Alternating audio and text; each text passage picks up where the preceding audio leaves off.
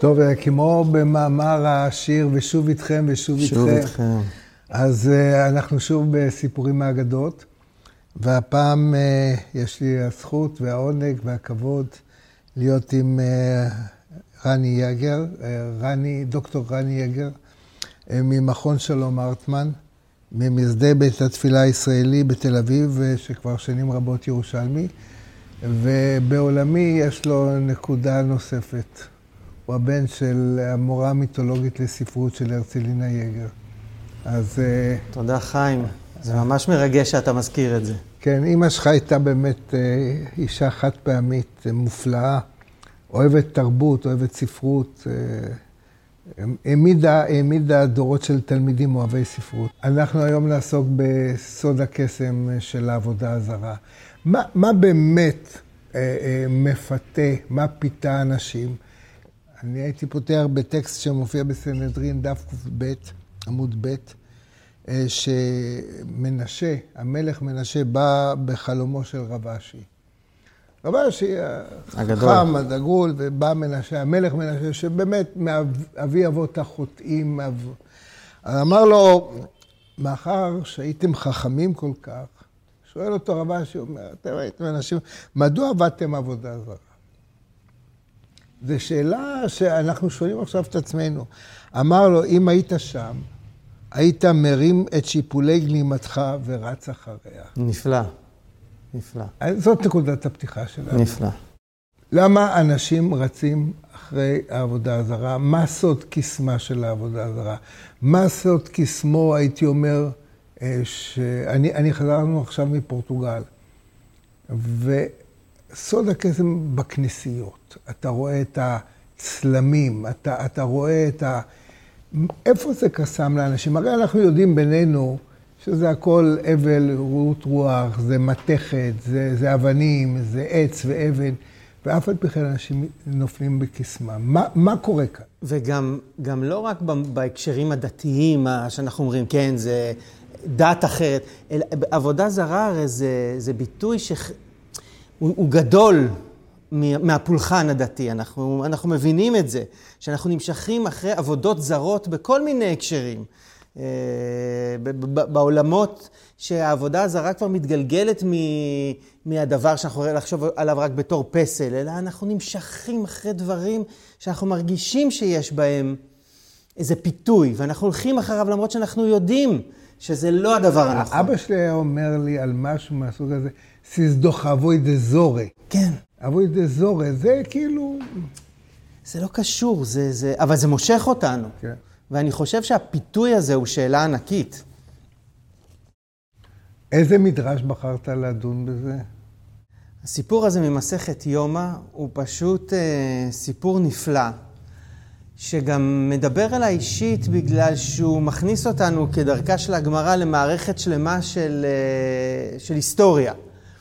ואנחנו נמצאים בזמן שבי ציון, שאני מרגיש קרוב אליהם, אני חושב שאנחנו בעצם באנלוגיות לעם ישראל וארץ ישראל והחזרות והכניסות, אז כן, נוהגים לדבר על ספר יהושע והכיבוש, אבל בעצם אנחנו שבי ציון, זה הרבה יותר אנלוגי, אנחנו הם, אנחנו חוזרים לארץ שהיא כבר מלאה, ורק חלק חוזרים. והסיפור הזה, ההגדה הזאת מתחילה ברגע הזה. עכשיו, אגב, אתה יודע שהפתיחה של הרומן העברי החשוב ביותר במאה ה-20, שעוסק בעלייה לארץ, זה הרומן תמול שלשום של עגנון. הוא מתחיל בש... בשיבת ציון, כי שאר אחינו אנשי גאולתנו, בני אנשי העלייה השנייה, הניח יצחק קומר את עירו ואת ארצו ואת מולדתו, ועלה לארץ ישראל לבנות אותה מחורבנה ולהיבנות ממנה. זה, כי שאר אחינו אנשי גאולתנו, זה תיאור שיבת ציון. ציון.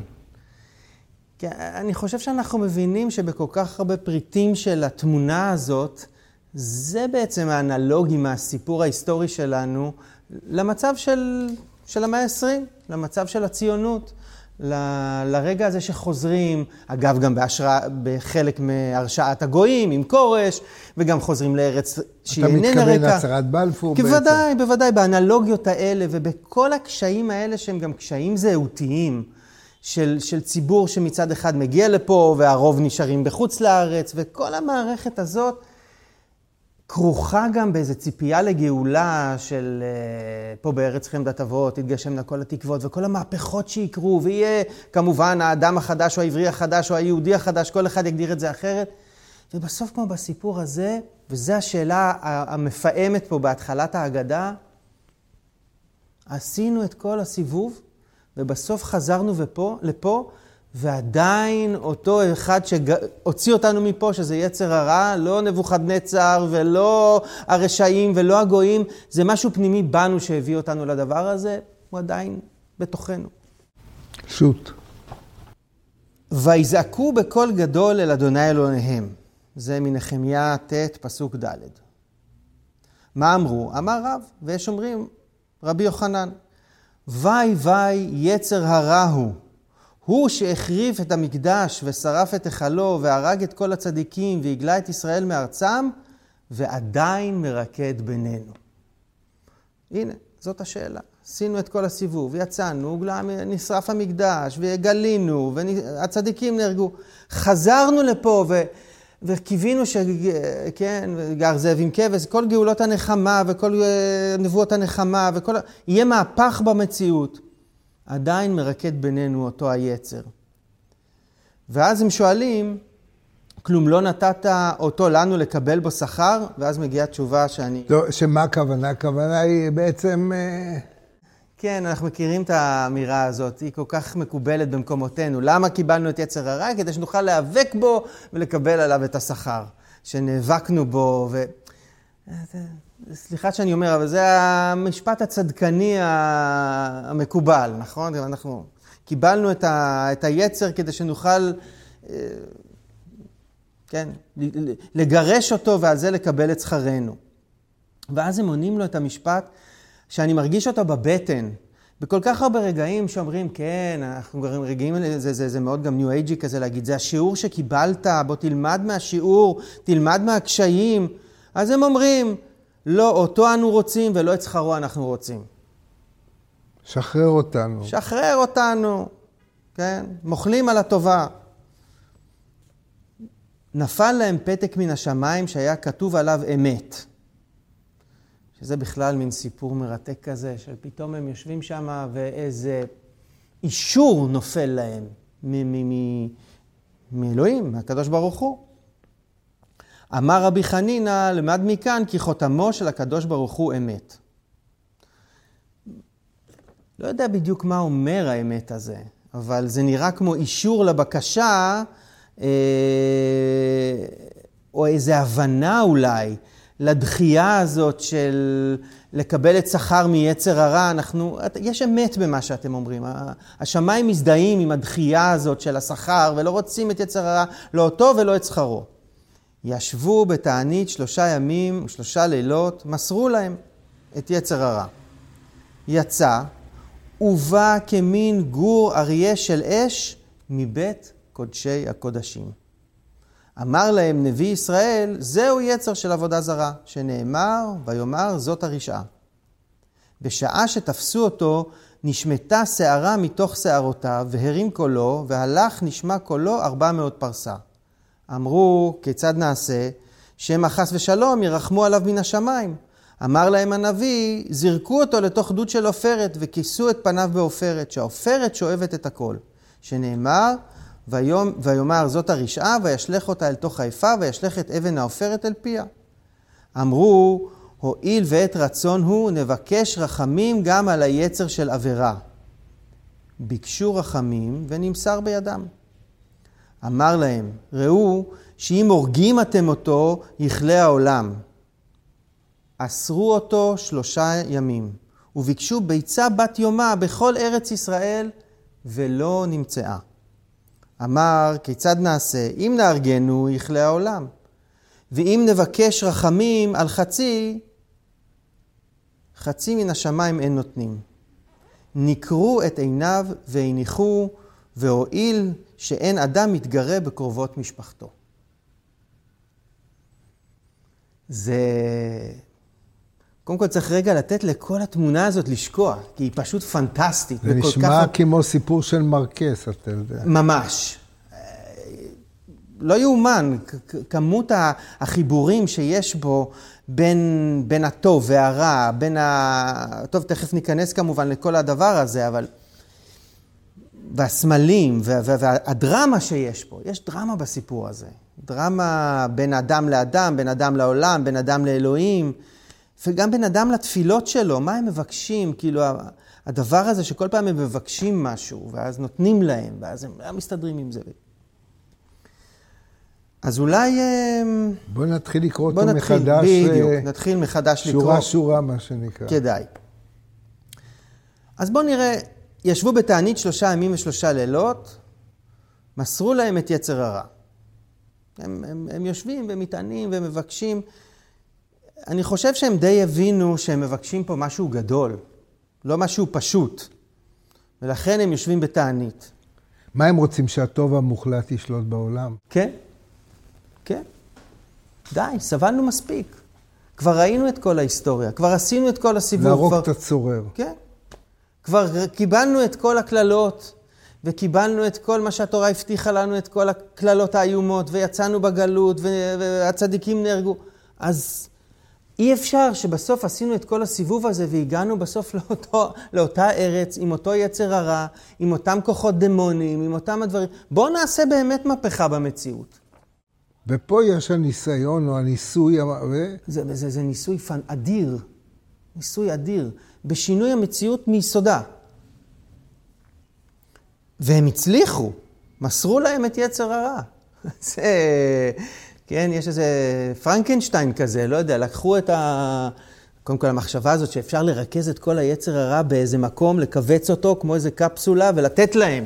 זה גם כן איזה מין מחשבה כזאת... יצא? יצא ובא כמין גור אריה של אש מבית קודשי הקודש. עכשיו, מאיפה הוא יוצא? זה הרגע, הייתי אומר, הדרמטי ביותר בכל הסיפור. לגמרי. כי אתה אומר, מאיפה היינו עכשיו מקבלים את יצר הרע? בוא נראה, בוא נראה, עכשיו סוף סוף... נניח, אנחנו... נבוא נגיד משכונת הפושעים, בדיוק. בוא נבוא ונגיד מ... מ... אולי מבית הקברות, או מאיזה, לא יודע, ממקומות רעים. יוצא יצר הרע מבית קודש הקודשים. אני חושב שכל אחד שהיינו שואלים אותו ברחוב, אם עכשיו היום אנחנו... היום זה לא היה עובר, היום זה לא היה נכתב טקסט. זה צנזורה ישר, מה זאת אומרת? ישר, מה זאת אומרת? ברור, איך אתה יכול להגיד דבר כזה? להגיד משהו על האבות שהם לא בסדר, בקושי אפשר. להגיד דבר כזה, שיצר הרע יוצא מקודש הקודשים? איך אתה מעז? מלב הקדושה יוצאת לב הטומאה. נכון. אז זה אולי מלמד על כוחה של הטומאה? אני חושב שזה מלמד שזה, בעיניי... שזה זה, אותו דבר. כן, ו... שזה יש שם כנראה כמלוא נימה בין שניהם, אבל יש איזה כוח, יש איזה כוח אחד כזאת, כזה. זה, זה, זה דומה, זה דומה. זה לא שני יצורים נפרדים, זה לא איזה שני כוחות שונים לגמרי, ההפך. זה אותו אריה שיוצא מקודש הקודשים, ואנחנו מבינים שהדימוי של אריה הוא נפלא כמובן. גור אריות. אגב, יש, יש דימויים נוספים שהשכינה רובצת כמו אריה בקודש הקודש. אם תרצה, היצר הרע זאת השכינה בעצמה. יש תיאורים, יש מקום שכתוב שזה הופך לדמות של כלב, אבל. כן, אבל האריה רובץ על קודש הקודשים. והדמות הזו, זה לא סתם אריה, זה, אני חושב שזה עוד יותר חזק, זה גור אריה. שזה מתחבר אצלך גור אריה יהודה. יהודה, ודאי. שזה מלכות. כן. וגם אני חושב שזה מתחבר לאיזה תשמע, צעירות. תשמע, אם זה לא היה נאמר, אי אפשר היה להגיד את זה. אי אפשר להאמין. אבל אני, אני גם רוצה להגיד, הגור אריה הזה, זה גם מתקשר בעיניי לאיזה צעירות. מה, יש פה איזה כוח אה, טרי. כן. זה לא משהו ישן, איזה אריה זקן כזה שמהלך מלך האריות שבקושי נוהם. אמר להם נביא לישראל, שזה נהדר, זה איזה נביא, מה שנקרא נביא, נביא שמסתובב שם, אין לו שם. זה כמו, לא יודע, נביא גנרי, נביא... זה בחור ישיבה. נביא, אין לו שם. זהו יצר יש לו ש... תפקיד. והוא אומר, זהו יצר של עבודה זרה, הוא צריך להסביר להם. תראה, אז עבודה זרה יוצאת מלב הקדושה. זה מצמרר. זו תובנה כל כך עמוקה, שהם מוסרים לנו אותה זאת אומרת, גם, גם האריה יוצא מקודש הקודשים והתובנה הזאת יוצאת מהטקסט, באותה מידה, זאת אומרת, מהסיפור, מהאגדה. ואז הוא אומר את הפסוק, ואומר זאת הרישה, בשעה שתפסו אותו נשמטה שערה מתוך שערותיו והרים קולו והלך נשמע קולו ארבע מאות פרסות. רואים את הקולות, זה איזו התגלות מלאת כוח. המילה שערה מתחברת גם מבחינה פונטית עם המילה שערה בסמך עין. כן, יש פה שערה ועושה שערה. כי השערה, אתה אומר, לכולנו נושרים שערות, נושרות שערות. זאת אומרת, זה לא משהו, זה לא מ... זה לא דרמטי. לא, זה גם לא מתוכו.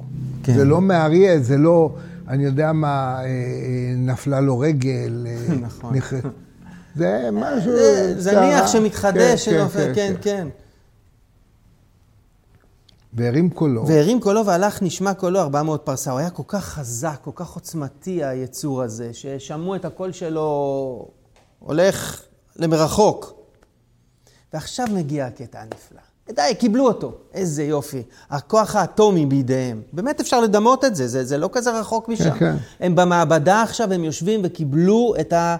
את הדבר הזה. ועכשיו, כמו שהרבה פעמים קורה לנו כבני אדם, הם קיבלו את המשאלה ועכשיו אין להם מושג מה לעשות עם הכוח הזה. והם גם שואלים את השאלה כי הם כבר מכירים. שמא חס ושלום ירחמו עליו מן השמיים. זאת אומרת, זו שאלת יונה הנביא, נכון? אה, אנחנו מכירים את האלוהים הזה, תכף הוא יבכה ויבזה ואלוהים ירחם עליו, סוף סוף קיבלנו אותו, אז יאללה, בוא נתפוס מהר את הרגע, כי עוד שנייה זה... ירחמו עליו. אז אם נשרה לו שערה, קולו הלך 400 פרסה, אז אם יהרגו אותו, מי יודע איזה רעש? בכלל מה יכול לקרות, נכון? נכון, כי זו הערה נורא חשובה, כי אני חושב שהם גם פחדו ממנו, אם זה מה שקרה מסערה אחת. וגם פחדו שירחמו עליו. אמר להם הנביא, זרקו אותו לתוך דוד של עופרת, וכסו את פיו בעופרת, שהעופרת שואבת את הכל. זאת אומרת, יש איזו דרך כזאת אה, כמעט אה, אגב, טכנית. גם עופרת אה, משתמשים בכורים אטומיים. נכון, נגד, לבליית, לבליית נכון, ה... לא רק בכורים אטומיים, כשאנחנו עושים אה, צילום רנטגן, כן, כן. שמים כן. עלינו, פעם היו עושים את זה, כן, שמים כן, סינור כזה עם עופרת, כן. אז זה שואב את הכל. והוא אומר את הפסוק, הוא אומר זאת הרישה, ואשלח אותה אל תוך היפה, ואשלח את אבן העופרת אל פיה. זאת אומרת, הם מחפשים את הטכניקה להשתלט, להשתלט על זה. שזה באמת דומה קצת לסיפורים שאנחנו מכירים, המודרניים יותר, או הפרה-מודרניים, על הפרנקנשטיין, על, ה, על אה, שוליית הקוסם, נכון? הסרט הנפלא, שאחר כך הופך להיות אנימציה של דיסני. אנחנו מחזיקים את הכוח, אנחנו, כשהכוח כבר בידינו, אנחנו יוצא מזה, מה נעשה איתו? אמרו, הואיל ואת רצונו, נבקש רחמים גם על היצר של העבירה. זאת אומרת, זה היה יצר של עבודה זרה. עכשיו נבקש... עכשיו בהזדמנות חגית זאת... יאללה, זה... בוא, בוא נגמור עם כל היצרים האלה. שגם אנחנו רואים, כמו שראינו כשהם יצאו מ... יצא מקודש הקודשים, את הקרבה של היצרים האלה. יצר עבודה זרה ויצר העבירה, יצר המין, הם קרובים. ואני לא יודע מה היה באותו זמן בשמיים, היה איזה נדיבות לב, וביקשו רחמים, ונמסר בידיהם. ועדת הכספים אישרה שם. כן, הרימו את היד, אמרו, יאללה, שולחים. נותנים לכם. ביקשו רחמים ונמסר בידם. נמסר בידם. אמר להם... אגב, אתה שם לב שכל שורה זאת הפתעה יותר גדולה מהקודם. ממש. אני, אני מדבר איתך כספרות, כן. לא, לא, לא, לא אידיאולוגיה. לא כן. בעלילה. כל, בעלילה, כל, כל רגע זה יותר דרמטי מהקודם. לא, תראה, זה באמת לא יאומן שאנחנו קוראים פה עשר שורות, ובכל שורה יש, יש הפתעה, ויש גם דברים שאתה אומר, לא יכול להיות שזה נכתב בכלל, ואנחנו נמצאים בלב מסכת יומא של התלמוד, כן, אנחנו בלב, בלב ה... יום כיפור. כן. אמרו, החמים... אמר להם, ראו, שאם הורגים אתם מי אותו... מי זה אמר להם? אולי זה הנביא? הנביא הזה, הנביא ישראל, הנביא ישראל הזה, היועץ הזה שמסתובב שם. תדעו לכם שאם אתם הורגים אותו, יכלה העולם. נורא יפה שאתם רוצים את היצר הזה, ואתם רוצים לכסח אותו, ואתם רוצים להרוג אותו, אבל תדעו לכם שבלי הארוס הזה, בלי המין, בלי... אז העולם נגמר. אסרו אותו שלושה ימים. ואז אף תרנגול לא, כן, לא, לא בא לתרנגולת. וכן, נכון, ביקשו ביצה בת יומה, בכל ארץ ישראל לא נמצאה. גם רואים את הניסיון שלהם לצאת איכשהו, אז הם, אז הם לא הורגים אותו, הם אוסרים אותו, הם חושבים שהם יחזיקו את הדבר הזה. כמו שהכניסו אותו לעופרת, כן, את העופרת. כן, בדיוק, הם, הם יגבילו אותו, אבל אנחנו רואים שגם זה לא, זה לא, העולם תכף נגמר. ואז מגיע המשפט שגם הוא, אני כל כך, אני חושב שאפשר להזדהות איתו, כי הם, הם באמת, כיצד נעשה? מה, אם נארגנו, כאן אתה יכלה העולם. אתה כן, צריך לעשות את הניגון. כמו ניגון של בחור ישיבה. נכון, אם נארגנו, יכלה העולם. אם נבקש רחמים על חצי, חצי מן השמיים לא נותנים. זה משפט, איך היו אומרים הגששים? משפט מחוזי. אומרים להם, חבר'ה... אגב, זה יש להם, יש, יש תיאור אחד, סלח לי שאני מפריע לך, שנאמר שם, אה, אה, היה חסיד אחד, שלא היה לו במה לגמור את החג, אה, להיכנס לחג, והוא הולך והוא מבקש מהשמיים וזורקים לו מרגנית, והוא בא הביתה והוא פודה את המרגנית, ואשתו אומרת לו, רגע, רגע, מאיפה? מאיפה הכסף? מה שהרבה אה, לא שואלים מאיפה הגיע הכסף וזה. והוא אומר לה, אז היא אומרת לו, מה, אתה רוצה לקלקל לך את הכיסא בעולם האמת? תחזיר. תחזיר. והוא בא ו, והוא עומד ומבקש, ויורדת יד מהשמיים ולוקחת את זה בחזרה. אה. והגמרא הזו אומרת, בשמיים שדרכם ליתן ואין דרכם לקח. השמיים, הם מוכנים לתת לך, לקחת בחזרה הם לא, לא הולכים. עכשיו, עגנון עושה איזה בדיחה, והוא אומר, על הח... בחסידות, הוא אומר על הרבס, שדרכם ליטול ואין דרכם ליתן. זאת אומרת, הוא הופך את העניין. אבל כאן קורה נס. ממש. אותו נס. קורה נס, אבל בסופו אנחנו נשארים, המשפט הזה, חצי מן השמיים אין נותנים, הוא מכה בבטן. כן. כי מה, מה אומר לנו בעצם? השמיים לא יכולים לעזור לכם. אנחנו לא, קיבלתם, עכשיו היצר בידיכם, אנחנו לא יכולים לתת לכם אותו אה, משונמך, כמו שאומרים היום.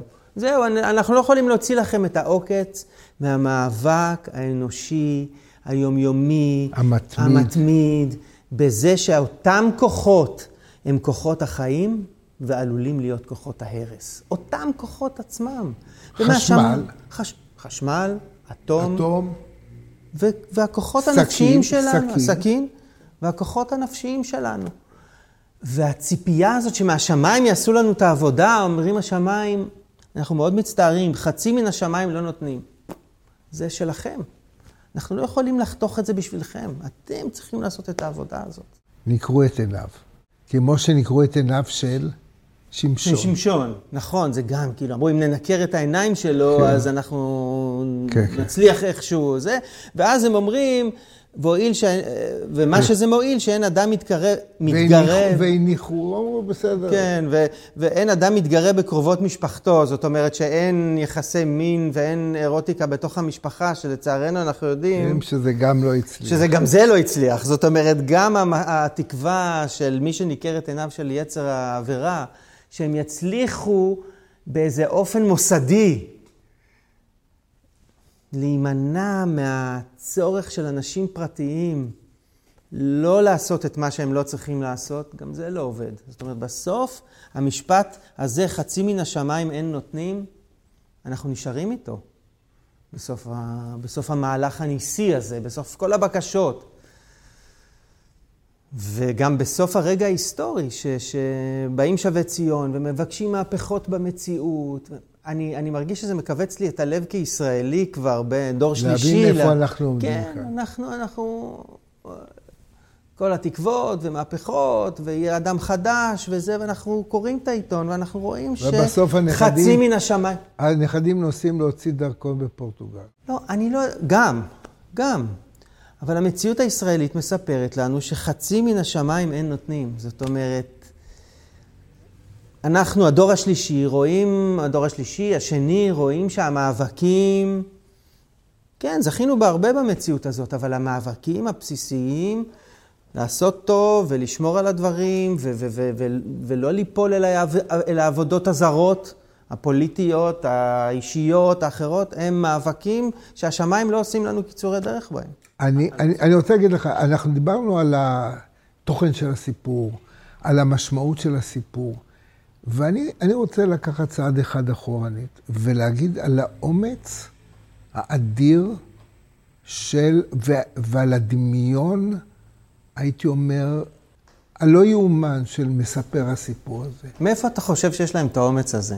אני, אני באמת שואל אותך, בתור גם מי ש... אני לא יודע. אני מוכרח להגיד לך שכמורה לספרות, וכמי שבעצמו אה, מושך ידו בשבט סופרים, מה שנקרא, אני כל פעם מופתע מחדש מהעוצמה הבאמת שלא תיאמן של הסופר התלמודי, מהיכולת שלו הניסוחית, העלילה שמתפתחת, שעוברת בזה, ותראה, גם, גם ניסוח, כמו שאנחנו שנינו, אתה כמובן אמרת, חצי מן השמיים אין נותנים. תראה, זה אחד, שתיים, שלוש, ארבע, חמש מילים שהם עולם שלם. עולם שלם.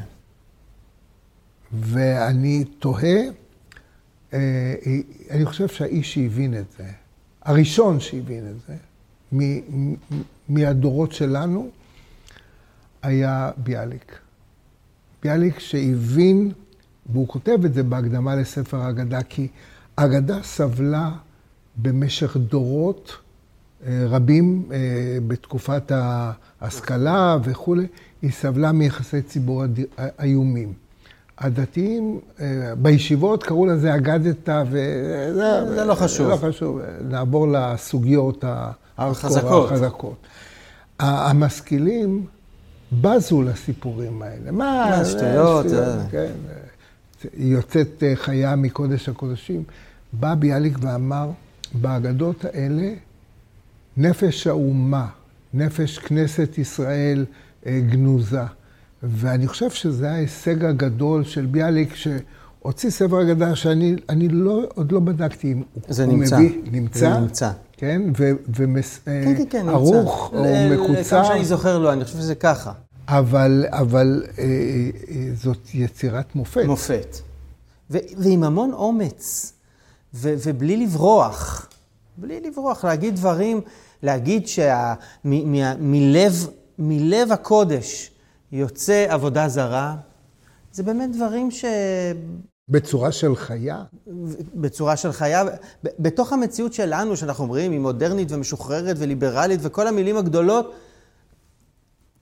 הקול שיוצא מה, מה, מהאגדה הזאת הוא באמת מהדהד 400 פרסה. 400, יותר מ-400 שנה, כן? כי, כי זה איזו יכולת להגיד דברים, וגם אני, מס, אני מסכים איתך לגמרי, אני חושב שהמשפט הזה, חצי מן השמיים אין נותנים, זה, זה שירה. זה, זה ממש, זה פואטי, כן? ש... פילוסופיה אקזיסטנציאליסטית עומדת על הדבר הזה. זאת אומרת שאתה צריך להסת... להסת... להישיר מבט אל המציאות ולהתמודד איתה כי מהשמיים בעצם, זה לא שאין שמיים, אבל בסוף אני עומד מול הדבר בעצמי. יש שמיים. תראה, אבל... זה כמו הברזים, אני, אני מנסה לחשוב לדימוי, זה כמו הברזים באנגליה. נכון, נורא. יש ברז אחד שמוציא מים חמים, יש ברז אחד שמוציא מים חמים. תמיד משגע אותי. אתה לא יכול, אנחנו המצאנו את הברז ש... שעושה קומבינות. שעושה קומבינות. שעושה מפאי. שם לא. אתה צריך... כן. חצי מהשמיים לא נותנים. כן. חיים, אני רוצה לשאול אותך, האם יש מקום בספרות שבעיניך נוגע ישר בסיפור הזה שהוא כל כך מעלה את ענייני הטוב והרע והסמלים. תראה, אם, אם לולי דמיסטפינה, כמו שאומרים בעברית ישנה, אה, אני הייתי אומר שגתה אה, אה, בפאוסט מושפע לגמרי מה, מהמאמר הזה שאתה הבאת. אני חושב שהשורות הגאוניות שלו זה שהוא גם, אה, אה, בולגקוב מניח אותו בראש מאסטר ומרגרטה, אומן ומרגרטה, או השטן במוסקבה. אומר, הוא שואל את היצר הרע, גתה, בכל זאת מי אתה? והוא אומר, אני הוא חלק מאותה עוצמה שלעולם רוצה ברע ולעולם עושה רק טוב. וזה, אם תרצה, זה הביצה, הביצה ש... ש... שכמעט ולא נולדה, או שלא נולדה. שלא נולדה. ושאיתה אנחנו עדיין צריכים לחיות. אה, רני, תודה רבה. תודה. היה לי לעונג והיה לי לכבוד. גם לי. תודה רבה.